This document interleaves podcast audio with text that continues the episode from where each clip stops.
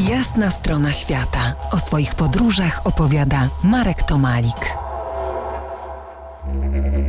Opowiadam dziś o niejakiej wiedzy tajemnej, zwanej coraz częściej rdzenną wiedzą pierwotnych kultur.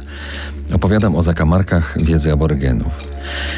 Aby zrozumieć część tych fantasmagorii, trzeba przedrzeć się do sedna sprawy, do wymiaru poza wymiarami, do mitycznego czasu snu, który mocno niepewnie opisuje angielskie słowo dreamtime. Otóż aborygeni zawieszeni są w dwóch równoległych formach czasu, w dwóch strumieniach świadomości. Tak zwana epoka snu, czyli wspomniany dreamtime, to nieskończony cykl duchowy. Sięga on prapoczątków, czyli czasu stworzenia świata i trwa do dzisiaj i raczej nie widzi jutra. Dreamtime wypełniony jest wydarzeniami, jak Pismo Święte u nas, ale brakuje tu chronologii. Z naszego punktu widzenia, zakładającego porządek ubrany w kolejność znaczeń, ta historia jest kompletnie chaotyczna. Ale oni, aborygeni, się w tym nie gubią. Dlaczego?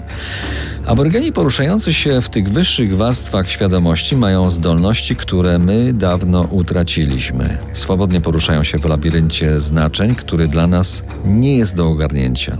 Dotyczy to głównie prawa, które jest ważniejsze od ludzi. To, co wydarzy się w epoce snu, wytycza prawa społeczności. Z Dreamtime można się skontaktować, wejść w niego poprzez sen lub na przykład ceremonię z użyciem świętych przedmiotów. Sny są jak wzrok, słuch, mowa, są sposobem poznawania rzeczywistości, są odniesieniem do świata rzeczywistego, powiedzmy tego naszego.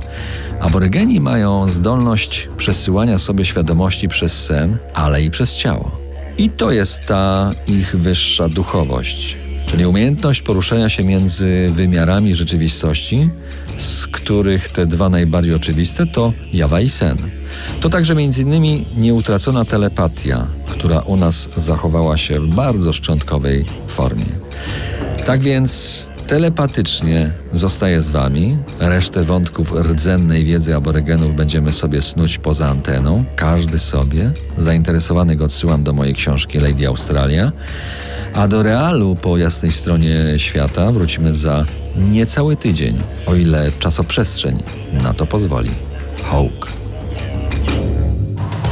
To była jasna strona świata w RMF Classic.